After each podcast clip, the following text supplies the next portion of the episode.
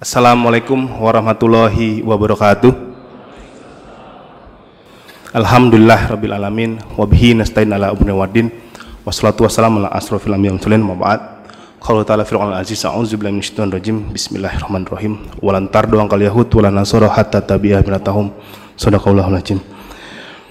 Uh, Alhamdulillah uh, pada hari ini di setelah kita subuh berjamaah kita masih bisa diberikan sebuah nikmatan oleh Allah Subhanahu wa taala di mana kita bisa berkumpul di sini mengkaji sebuah tema yang masih terus hangat dan bahkan bukan tidak mungkin ini menjadi uh, pembuka dan penegas akhir zaman di mana kita mengetahui bahwa konstelasi itu akan terus berlangsung di Timur Tengah khususnya di bumi Syam ya.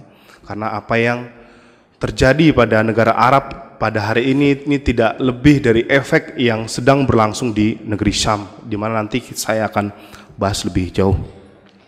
Tak lupa juga salawat dan salam mari kita haturkan kepada kutwah sana kita Nabi besar Muhammad SAW kepada para keluarga, sahabat dan pengikutnya hingga akhir zaman. Semoga kita bisa menjadi pengikut beliau yang isi komah di tengah uh, terpaan fitnah akhir zaman pada hari ini yang banyak menerpa kaum muslimin.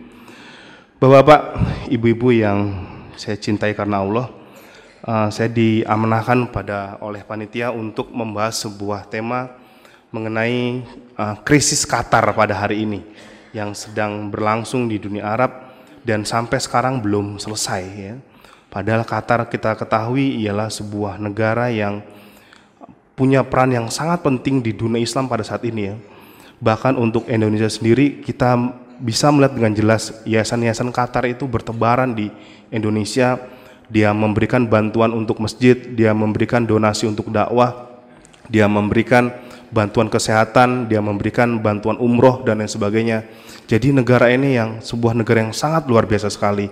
Maka ketika kita mengkaji Qatar kita harus teringat ah, bahwa dalam Islam kita sangat jelas diminta untuk mempererat tali persaudaraan. Innamal mu'minuna ikhwah sesungguhnya kaum muslimin itu bersaudara. Ya, maka kita sangat sayang sekali jika ada negara muslim itu justru diboikot oleh negara muslim yang lainnya. Ya, kalau diboikot Israel itu masih masuk akal, Pak. Diboikot Amerika, diboikot Yahudi. Lah ini diboikot oleh tetangganya sendiri.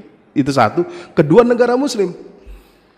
Yang kadung kita anggap sebagai kiblat kaum muslimin pada saat ini.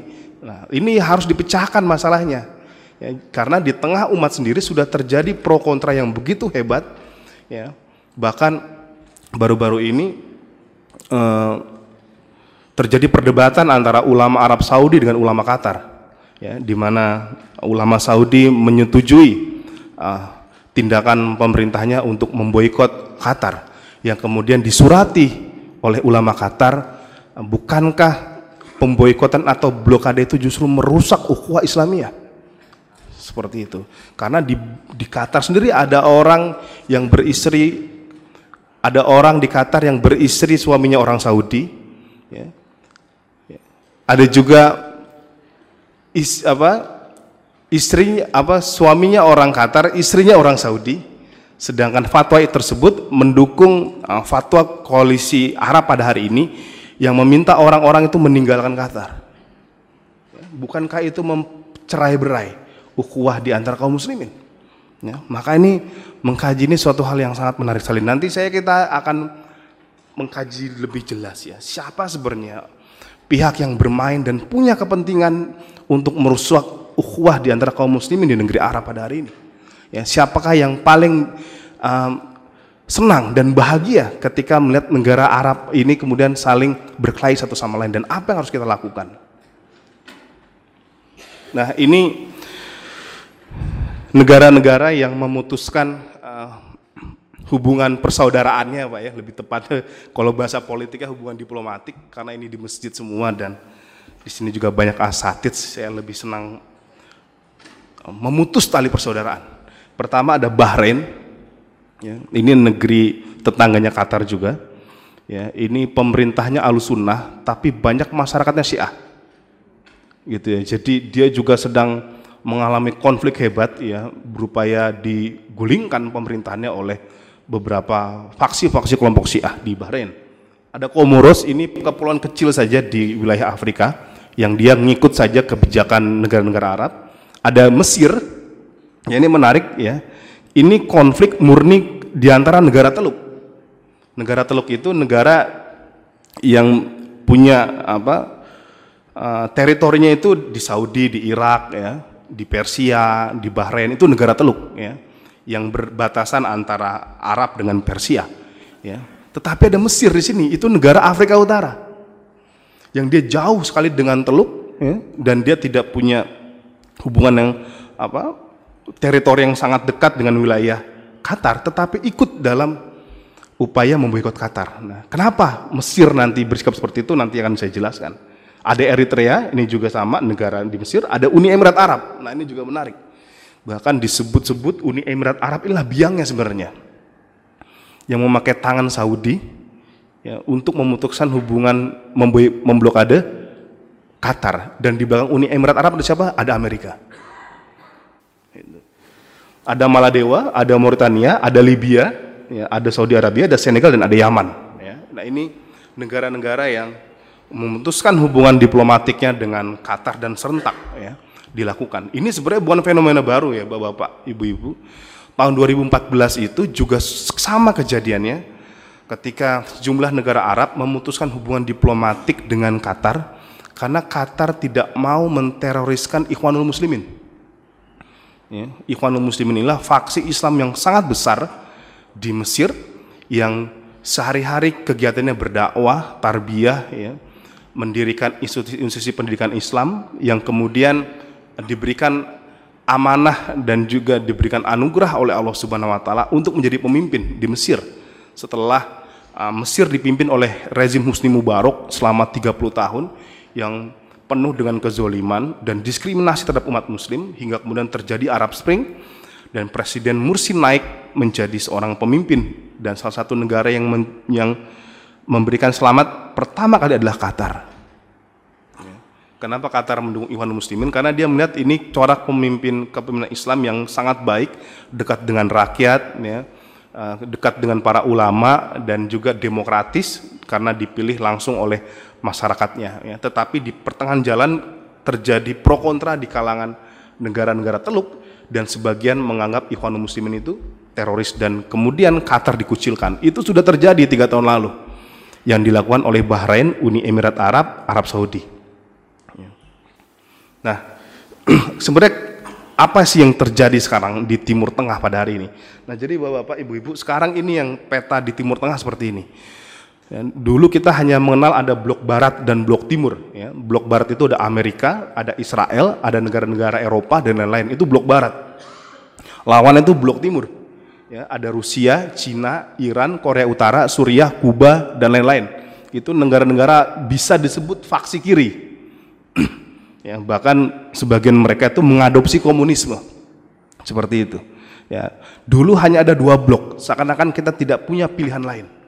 Hingga kemudian muncul blok baru di Timur Tengah namanya tidak jelas nama blok ini tapi saya ingin memakai bahasa yang lebih sederhana saja itu blok dunia Islam yang dipimpin oleh Turki dengan Presiden Erdogan lalu ada Qatar dengan e-, Emir Qatar Syed Tamim dan kemudian ada Arab Saudi Blok ini sedikit banyak itu mengubah konstelasi di dunia Timur Tengah pada saat ini karena ketiga negara ini apalagi setelah Arab Saudi dipimpin oleh uh, Raja Salman itu semakin kuat persahabatan di antara di antara mereka. Makanya saya juga sangat aneh tiba-tiba Arab Saudi memutuskan hubungan diplomatik dengan Qatar dengan alasan Qatar mendukung Hamas.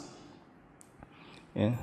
Hamas ini faksi perlawanan kaum muslimin di Palestina yang menjaga Gaza dari cengkraman eh, Yahudi, ya, yang menjaga Gaza anak-anaknya untuk terus dekat dengan Islam, menghafal Al-Quran dan lain sebagainya.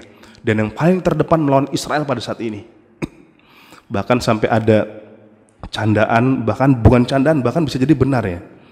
Satu-satunya daerah di dunia yang bebas dari intervensi Yahudi itu Gaza Palestina. Ya, walaupun dia diblokade oleh Israel. Ya, tetapi sampai sekarang itu daerah yang walaupun berada di ujung Palestina, ya, di pantainya itu juga dijaga oleh apa? Ada tentara Israel yang patroli, tetapi sampai sekarang Gaza tidak bisa takluk oleh Israel. Berkali-kali Israel menyusupkan mata-matanya ke sana, agen Mossad, ya, berkali-kali itu juga berhasil diidentifikasi secara cepat oleh Hamas. Itu mungkin firasatnya orang beriman, Pak. Firasatnya orang beriman itu dengan mudah melihat mana yang batil, mana yang hak. Ya. Padahal Hamas tidak punya teknologi yang canggih, itu daerah hanya setengah Jakarta saja, diboykot pula oleh Israel, listrik itu dipadamkan oleh Israel, tetapi dia masih bisa bertahan. Lalu ada Qatar, yang tadi saya sudah sebut, yang juga banyak membantu kaum muslimin di Gaza. Nah ini membuat negara faksi barat dan faksi timur tidak suka. Ini hanya sebenarnya hanya pengelompokan saja Pak, blok barat dan blok timur karena di tengah perjalanan mereka pun bisa bekerja sama. Walaupun seakan-akan di atas kertas itu mereka saling bertolak belakang satu sama lain, saling perang kata-kata satu sama lain. Tetapi di Suriah itu bersatu. Di Suriah itu bisa bersatu. Bahkan saya ada teman itu redaktur di Timur Tengah dia mengatakan ya Amerika sama Rusia itu ya perang di film saja perang dingin di antara mereka tetapi satu sisi mereka saling terlihat bertikai satu sisi mereka bekerja sama Rusia ketika masuk ke Suriah izin ke Israel untuk men mengirim uh, jet tempurnya untuk membombardir masyarakat sipil di sana itu izinnya ke Israel. Pada Israel itu faksinya Amerika. Amerika juga masuk ke Suriah izin ke Bashar Assad. Karena Suriah itu teritorinya pemerintahan Suriah. Ya. Walaupun selama ini digadang-gadangkan si A itu bertolak belakang dengan kebijakan kebijakan Barat. Tetapi di Suriah itu mereka bisa bersatu.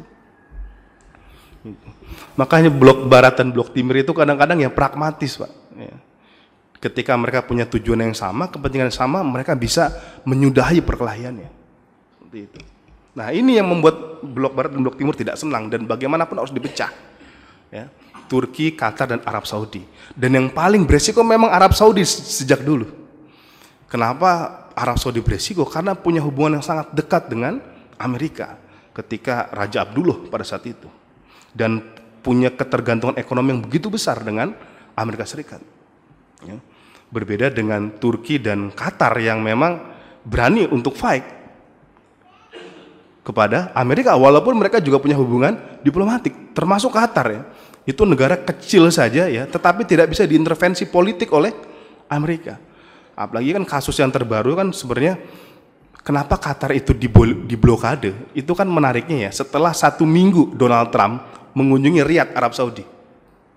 Hanya satu minggu setelah Donald Trump mengunjungi Riyadh, ya, Qatar kemudian di blokade dan fak apa analisis di belakangnya sebenarnya kenapa di blokade bukan karena dukungan Qatar kepada Hamas atau Ikhwan karena ya Mesir, ya Arab Saudi, ya Uni Emirat Arab sudah tahu hubungan Qatar dengan Hamas itu bukan 3-4 hari yang lalu, sudah bertahun-tahun. Lah kok dimunculkan isu ini tiba-tiba? Uang enam bulan sebelumnya Ismail Hania malah bertemu Menteri Luar Negerinya Arab Saudi dan tidak ada masalah apa-apa. Ya. Maka tampaknya ini hanya isu yang dimainkan di permukaan. Karena gagasan atau isu terorisme itu paling cepat menyambar di dunia Islam. Kalau memakai bahasa terorisme. Tapi yang di belakang yang sedang terjadi ialah persaingan ekonomi yang begitu besar antara beberapa negara Arab yang didukung oleh Amerika Serikat dengan Qatar. Ya, Qatar itu menolak upeti terhadap Amerika Serikat yang memiliki pangkalan militernya di di Doha. Itu menolak upeti. Mungkin Qatar juga berpikir ini pangkalan militer Amerika yang katanya masuk memerangi terorisme, tetapi yang dibunuh itu masyarakat sipil. Ya. Saya punya beberapa datanya, ya, cuman itu diskusi yang lain.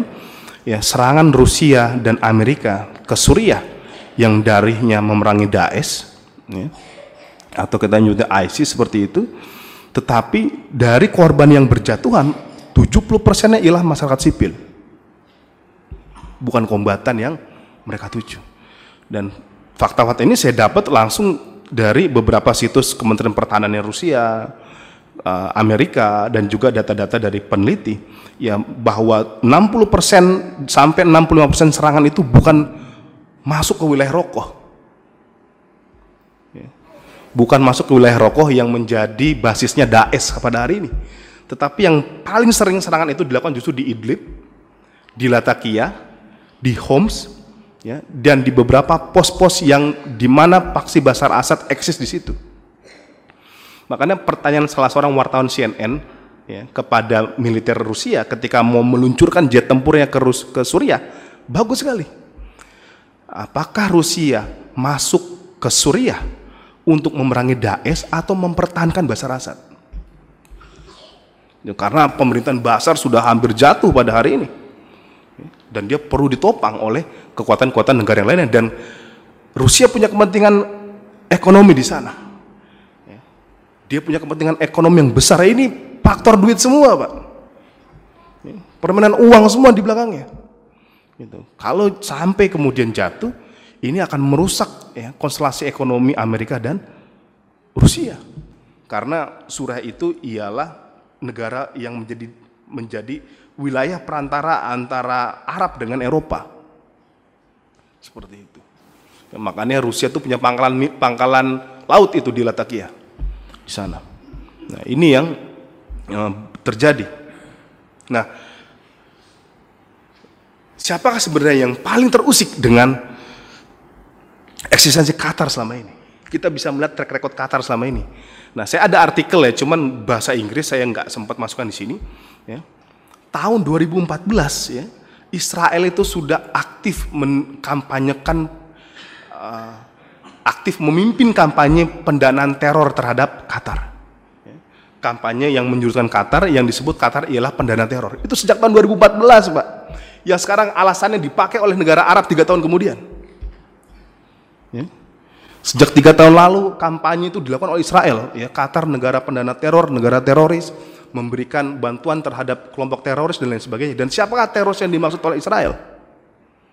Tidak lagi adalah Hamas Palestina faksi perlawanan Hamas di faksi perlawanan uh, Israel di Palestina yaitu Hamas, Haroka Al-Muqawamah Al-Islamiyah. Ya, front perlawanan Islam. Ya. Nah ini kita lihat, ini kunjungan Emir Qatar pada tahun 2012 ke Gaza, Palestina. Ya, di tengah banyak negara-negara itu berpaling terhadap penindasan yang dilakukan Israel, Qatar justru hadir ke sana. Ya. Ini tahun 2012, ya, datang ke sana memberikan bantuan kemanusiaan terhadap wilayah terhadap uh, Gaza Palestina Masjid Gaza disambut oleh Syekh Ismail Haniyah yang waktu itu menjadi perdana menteri dan kita lihat bagaimana sambutan masyarakat Gaza Palestina begitu besar itu ada spanduk membentang panjang lebar ya, itu bendera Qatar kemudian apa simbol negara Qatar di bawahnya ada bendera Palestina dan ada Emir Qatar sedang melambai dan ada salah seorang pejuang yang sedang berjaga-jaga dan bagaimana bendera Qatar dan Palestina itu bersanding. Kita lihat ya apa yang diberikan Qatar terhadap Gaza.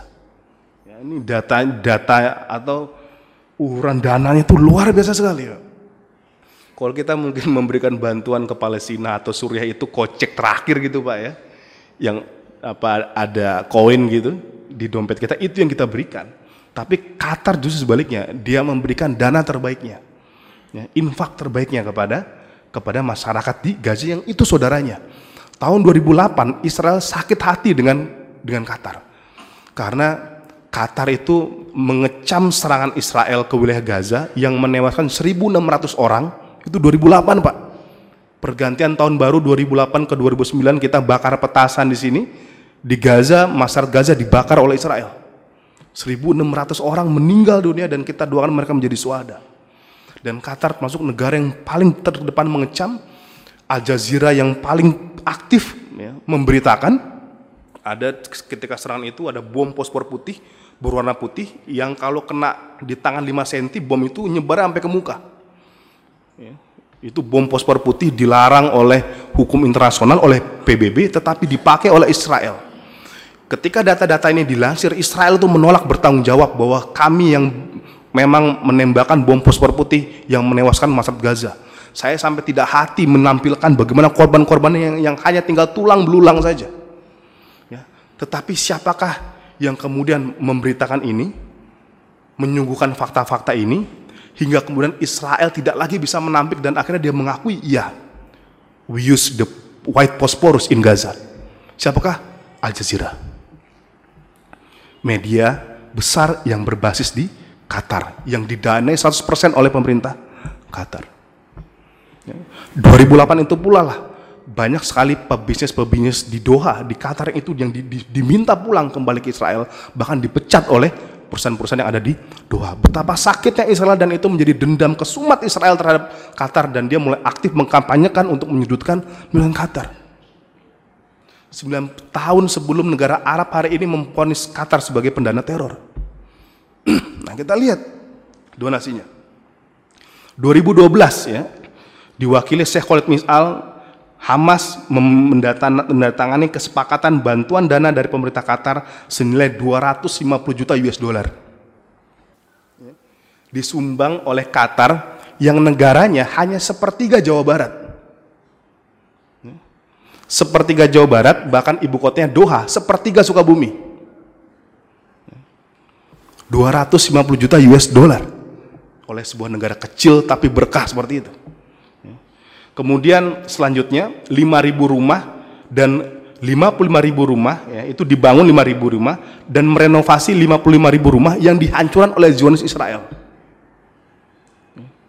Itu udah rumah di Gaza dihancurkan oleh Israel, dibangun kembali oleh Qatar. Gratis. Mau gimana cara mengembalikannya? Wong di Gaza itu juga diblokade. Bantuan kemanusiaan juga mereka butuhkan. Tapi gratis diberikan oleh pemerintah Qatar kemudian juga memberikan 100 juta US dollar untuk menjamin proyek pembangunan di Gaza. Ya. Lalu juga mengalokasikan dana 25 juta US dollar buat membangun rumah sakit di Rafah, perbatasan Gaza dengan Mesir dan memberikan jaminan keuangan bank senilai 30 juta US dollar untuk tiga bulan ke depan buat membiayai 161 proyek listrik di Gaza. Bayangkan ya gimana itu kalau kita mengkaji gini, kita tuh pakai logika itu logika Islam, Pak. Logika Al-Quran. Orang yang berinfak, bersedekah, akan diberikan ganjaran pahala berkali lipat, bahkan pengganti berkali-kali lipat oleh Allah Subhanahu Wa Taala. Apalagi ini negeri Sam, negeri yang didoakan langsung oleh Rasulullah. Ya. Langsung lahir doanya itu dari lisan Rasulullah. Ya. Allahumma barik lana fi syamina wa yamanina. Di Qatar itu dibimbing oleh ulama besar. Ada Syekh Yusuf Korodowi ya, yang diusir oleh Mesir bayangkan. Ditampungnya di Qatar dikasih suaka politik. Gimana nggak sakit hati itu Mesir? Makanya salah satu klausul ini bayangkan ini jahatnya yang betul ya.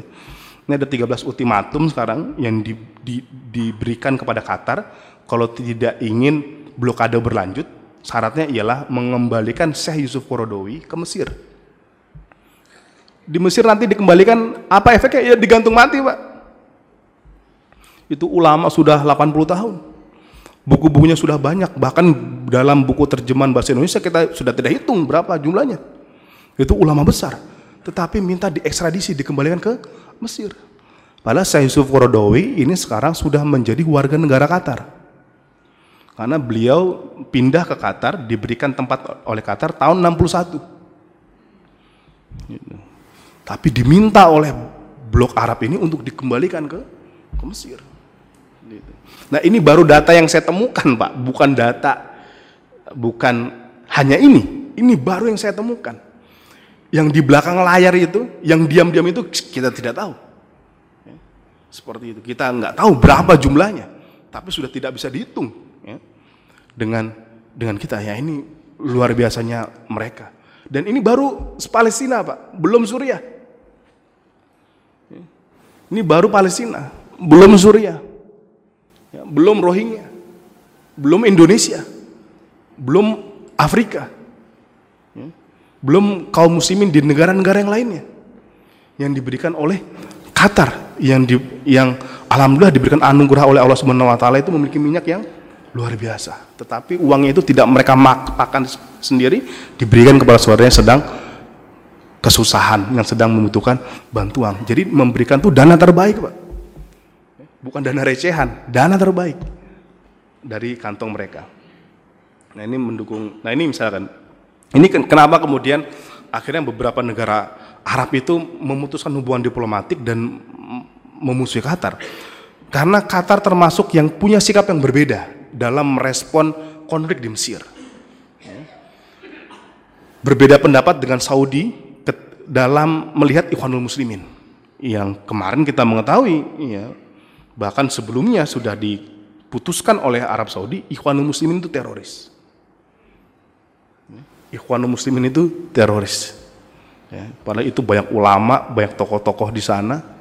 Ya, dan pertanyaannya dan kita bisa bayangkan ya, itu di Mesir pak, orang lagi sholat ketika aksi demonstrasi dan itu damai, nggak pakai senjata pak, demonstrasi damai yang mengecam tindakan asisi yang menggulingkan Presiden Mursi yang hafal Al-Quran. Demonstrasi damai tanpa senjata, tanpa pisau, tanpa peluru. Ya, ketika mereka sedang mendirikan sholat ketika break, ketika azan itu diberondong tembakan oleh tentara Mesir hingga darah menggenang di di Kairo pertanyaannya yang teroris itu ya, tentara Mesir apa Ikhwanul Muslimin ya. Yang teroris itu Hamas apa Israel? Kalau Hamas itu teroris, negara mana yang diteror sama Hamas? Siapa yang diteror? Tidak ada yang teror, dia yang diteror. Adapun dia melawan Israel karena Israel memerangi. Palestina menjajah Palestina. Nah ini logikanya di akhir zaman ya begini Pak. Mungkin kajian akhir zaman itu nanti yang bisa menjelaskan kenapa kok orang menjadi rusak seperti ini. Kemudian itu tadi sudah Qatar menginvestasikan 18 miliar US dollar setelah Mursi menjadi presiden. 18 miliar, bukan rupiah, dolar. Dibelikan cendol, tenggelam Monas mungkin. Tadi Gaza itu 250 juta US dollar. Ini Mesir 18 miliar US dollar, investasi Pak. Karena Mesir itu memang negara miskin. Ya, negara miskin. Ini kan tudingan beberapa negara Arab itu kenapa mereka mem memusuhi Qatar karena Qatar dinilai mendukung Arab Spring. Ya, perubahan politik di negeri Arab yang mem, yang apa menyudahi kepemimpinan diktator di di wilayah di wilayah Afrika dan lain sebagainya. Arab Saudi, Uni Emirat Arab, Bahrain ketakutan ya, Arab Spring ini akan pindah ke negaranya. Seperti itu. Ya. Dan itulah kenapa makanya memusuhi Qatar. Maka saya dalam beberapa kesempatan memberikan materi ini ada pertanyaan menarik dari salah seorang jamaah. Ya, Qatar emang tidak takut ya. Negaranya juga terjadi Arab Spring, terjadi revolusi. Memang tidak takut. Ya, ketika bersama Ikhwanul Muslimin atau mendukung masyarakat Suriah ya, yang menghendaki perubahan, emang tidak takut tuh. Revolusi kemudian nanti pindah ke negaranya di Qatar. Saya bilang indikatornya tidak terpenuhi. Satu, Mesir. Kenapa masyarakat menuntut perubahan? Pertama, pemerintahnya zolim. Itu sudah pasti itu. Ulama ditangkapi, aktivis Islam diciduk. Ya.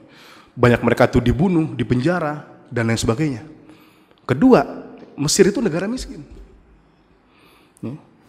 Biasanya variabel ekonomi itu akan memicu or masyarakat di sebuah negara untuk terjadi perubahan di masyarakat tersebut.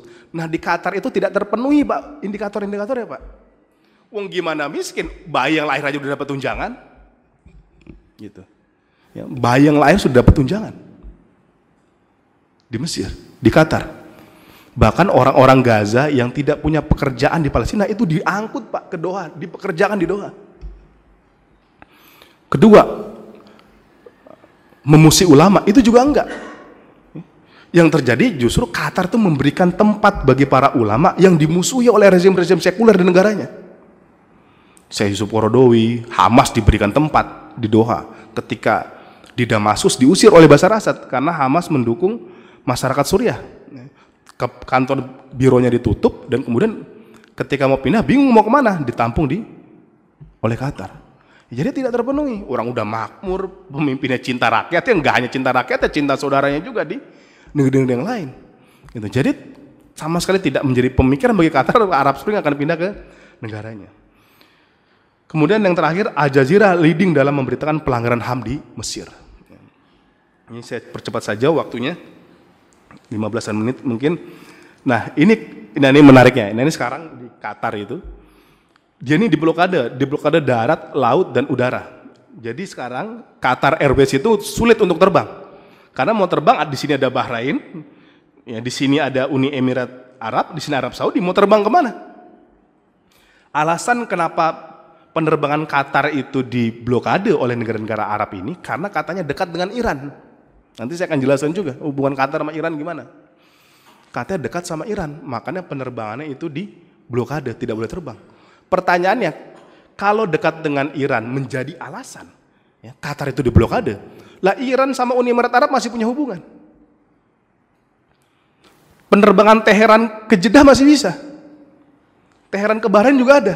Lo kenapa sumber masalah tidak diblokade, diboikot, tetapi justru Qatar yang negeri al itu justru yang diboikot. Kan aneh logikanya. Makanya saya dulu pernah dalam konferensi pers ada salah seorang ustadz mengatakan mendukung sikap negara misalkan seperti Arab Saudi ya yang kita ini kita hormati sebagai negeri muslim karena katanya Qatar itu dekat dengan Iran. Lah pertanyaannya Uni Emirat Arab itu bukan lagi dekat bahkan menjadi CS-nya Iran transaksi Uni Emirat Arab dengan Iran itu 6, 6 miliar US dollar. Gitu. Kenapa logika ini tidak diterapkan yang sama dengan koalisi yang yang sedang memboikot kepada kepada Qatar? Kemudian betulkah Qatar itu dekat dengan Iran? Kita akan bahas.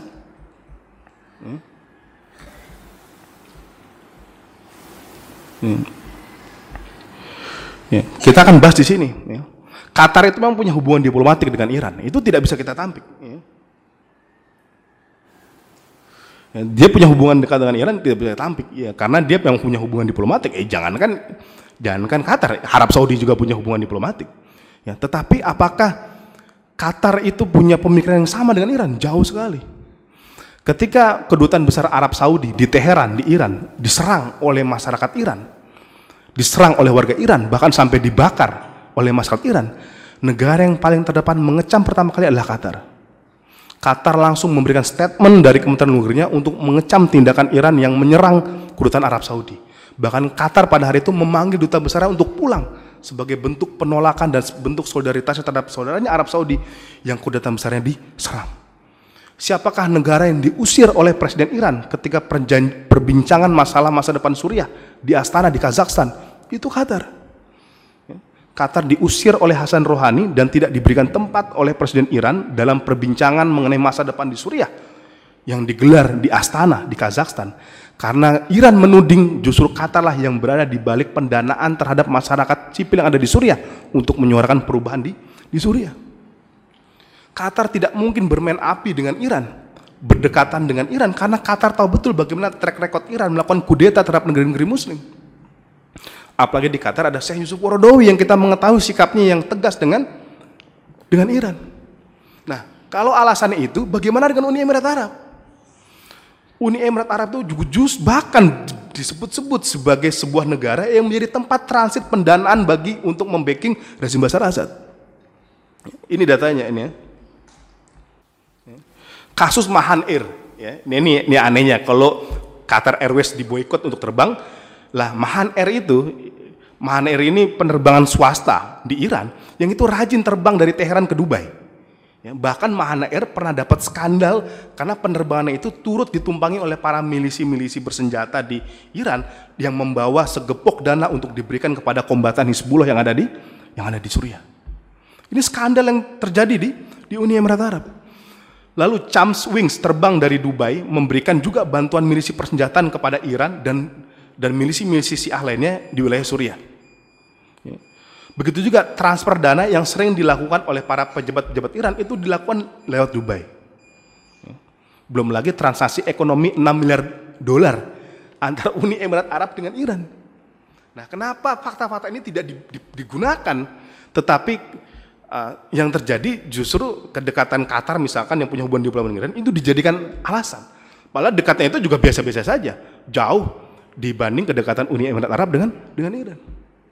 Gitu. Jadi ini sebenarnya bukan faktor karena kedekatan dengan Iran atau mendukung Hamas atau Humanul Muslimin, bukan Pak. Ini faktor ekonomi. Karena negara-negara ini iri dengan perkembangan ekonomi yang ada di yang ada di Qatar. Kedua, Qatar itu memelihara Al Jazeera. yang paling kritis terhadap pemberitaan-pemberitaan di dunia Islam pada hari ini, di mana kaum muslimin di Suriah dibantai oleh Basar Asad, di mana kaum muslimin di Palestina itu dijajah oleh Israel, yang paling terdepan menyuarakan ialah Al Jazeera. Nah ini selanjutnya,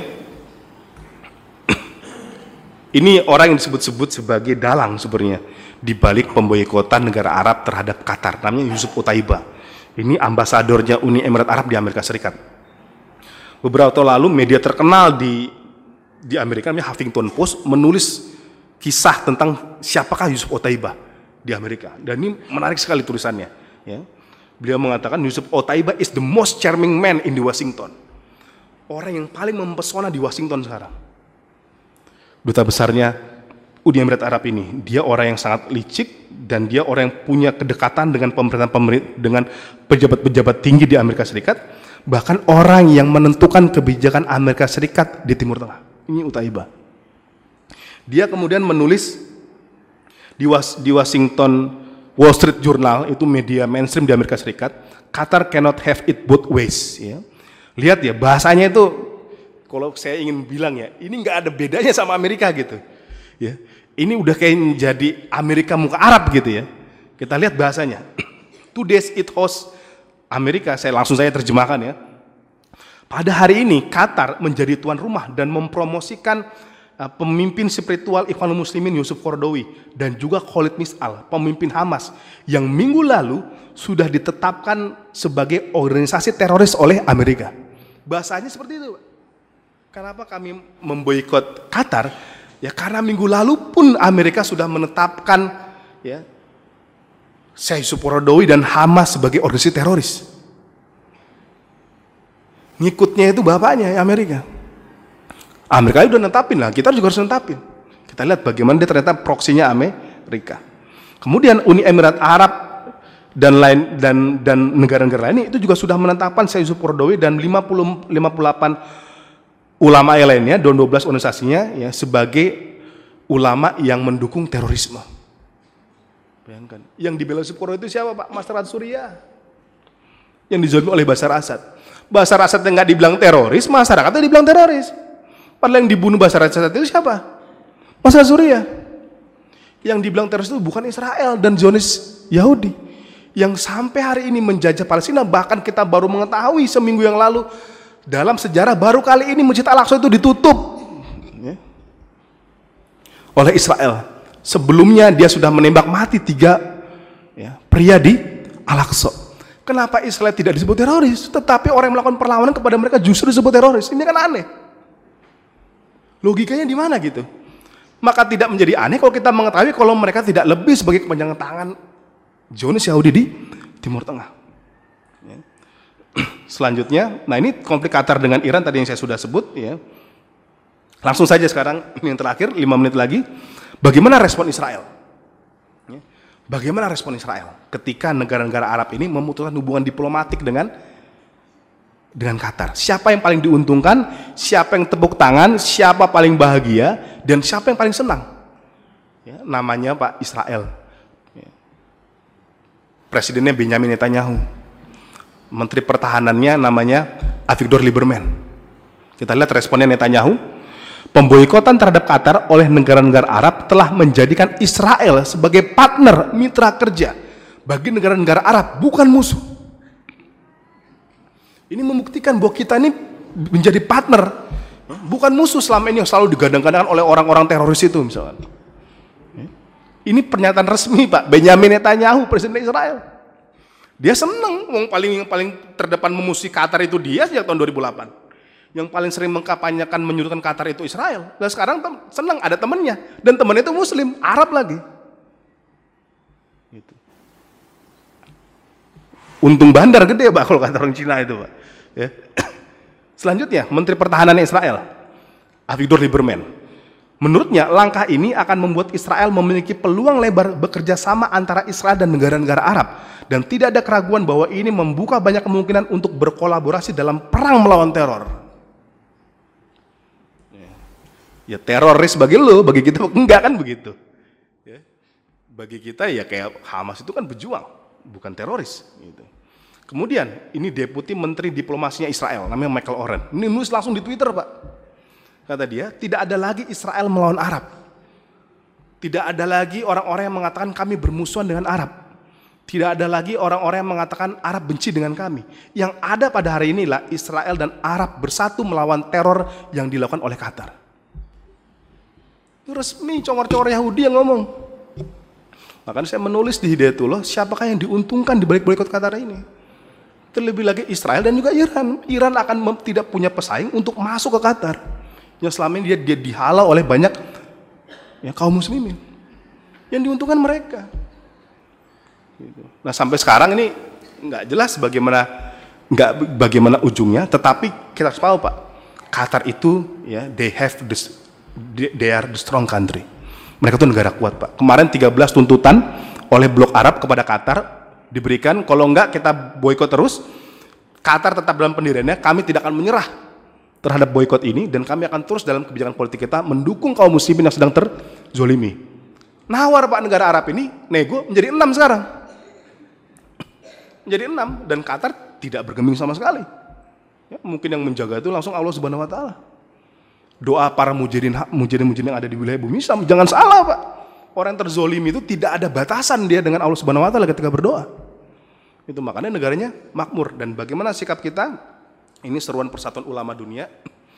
Ya, sudah mengeluarkan statement Persatuan Ulama Dunia mengatakan kami menyerukan kepada ulama, intelektual, penulis dan orang-orang yang mencintai umat untuk menolak pemutusan hubungan diplomatik dengan Qatar dan melakukan segala cara untuk mengakhirnya demi menyelamatkan Qatar dari bencana yang akan datang. Kedua, potensi bencana yang mendekati Qatar akan menghancurkannya dan hal ini akan mempengaruhi seluruh umat muslim. Dampaknya kepada seluruh umat muslim dan membuat negara itu menjadi mangsa empuk bagi musuh-musuhnya. Ya, jadi ini bukan permasalahan Qatar, Pak. Ini permasalahan kita semuanya. Gak hanya milik Qatar.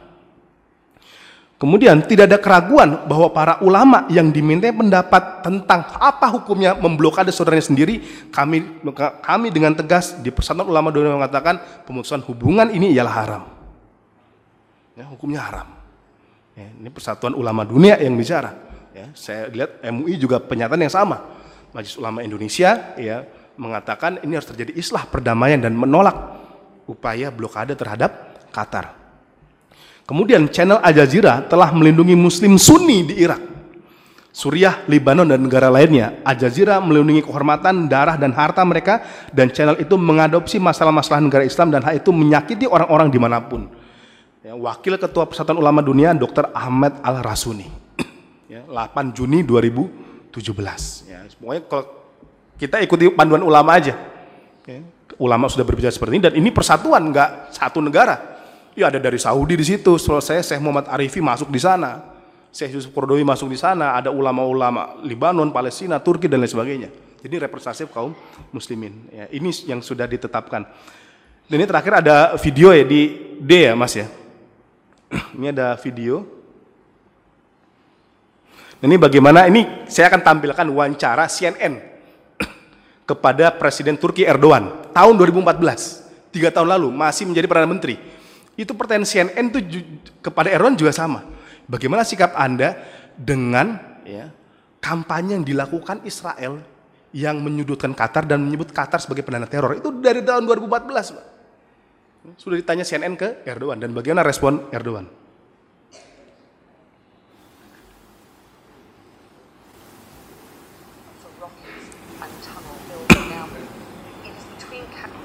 nggak kedengeran ya nggak ada itunya ya oke deh saya translate aja seperti itu. Nah ini wawancara kepada Erdogan tahun 2014 pertanyaannya kepada dia bagaimana respon Turki yang mere dalam merespon pernyataan Israel yang mengatakan Qatar pendana teror?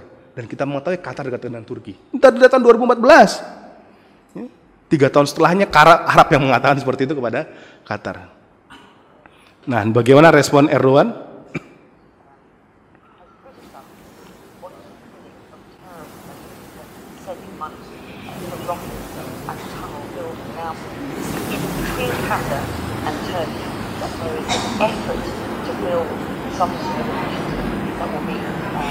Jawabannya cerdas, kita lihat ya.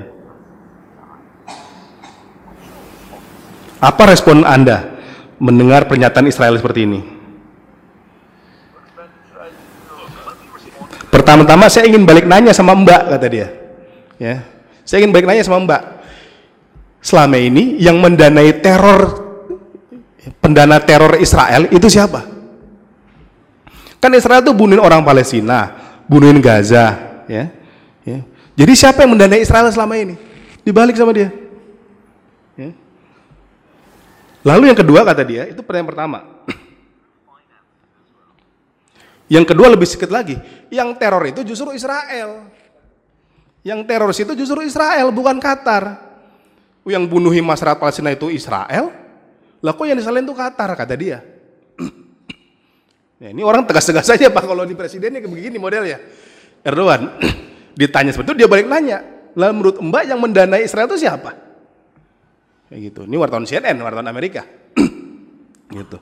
Makanya kemarin dulu pernah dialog sama Simon Peres tuh, Pak. Ya. Di forum ekonomi dunia, ya.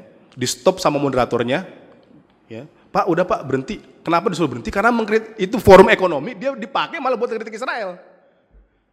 Forum ekonomi dunia, Simon Peres pakai penerjemah karena Erdogan ini dia hanya mau ngomong bahasa Turki. Ya, orang khilafah ya pede, Pak. Gitu. Ya. Bekas khilafah mental pemimpinnya sangat tinggi. Dia bilang seperti itu. Ketiga, ya Israel mau mau nyala-nyalain Turki, silakan. Tetapi Turki sama Qatar itu membantu kemanusiaan di di Gaza Palestina yang di yang kami bantu kemanusiaan karena kemanusiaan itu dihancurkan oleh oleh Israel. Gitu jawabannya. itu makanya Turki tidak mau ikut dalam konflik negara-negara Arab untuk satu gerbong memboikot Qatar. Bahkan ketika Qatar itu diblokade oleh negara Arab, Turki itu ngirim 5000 ton bantuan makanan. 5000 ton bantuan makanan untuk Qatar. Ya. Dia juga punya, dia gak hanya bantuan makanan, dikirim militer ke sana karena Turki punya pangkalan militer yang ada di ada di Doha. Seperti itu, Pak. Nah, itu sikap seorang muslim harus seperti itu. Ya, ini yang bisa mungkin bisa saya sampaikan. Ah, semoga bisa bermanfaat dan menjadikan informasi agar kita tidak bingung. Kita mau berpihak ke mana? Ya, panduan kita itu Quran dan Sunnah sudah jelas, Pak. Dan Quran dan Sunnah yang tadi saya bacakan ayatnya itu sudah jelas Yahudi itu tidak akan suka sama kita sampai kita tuh ngikut milahnya mereka, ngikut propagandanya mereka, ngikut kampanye mereka, ngikut menetapin musuhnya mereka. Apakah kita mau ikut seperti itu? Jadi nggak usah bingung. Ini kan kan negara Muslim seperti itu. Ya kita dukung, kita islahkan. Nah makanya sekarang Erdogan sedang kunjungan ke negara Teluk untuk mengislahkan, mendamaikan. Ya, bagus statement dia kemarin di Ankara saya baca dia bilang kaum muslimin itu bersaudara dan tidak pantas untuk bertikai. Kata dia, ya, dia mengunjungi Raja Salman, dia mengunjungi Emir Qatar, dia mengunjungi Emir Kuwait. Semoga perselisihan ini bisa selesai dan kaum muslimin sedang bisa bersatu karena musuh utama kita tuh sangat besar di luar sana. Dan musuh paling senang itu biasanya ketika di antara kita tuh berkelahi, Pak di antara kita berkelahi tidak kuat karena mereka akhirnya punya teman untuk memusuhi kita. Demikian dari saya, semoga bisa bermanfaat. Bila taufik walhidayah, Assalamualaikum warahmatullahi wabarakatuh.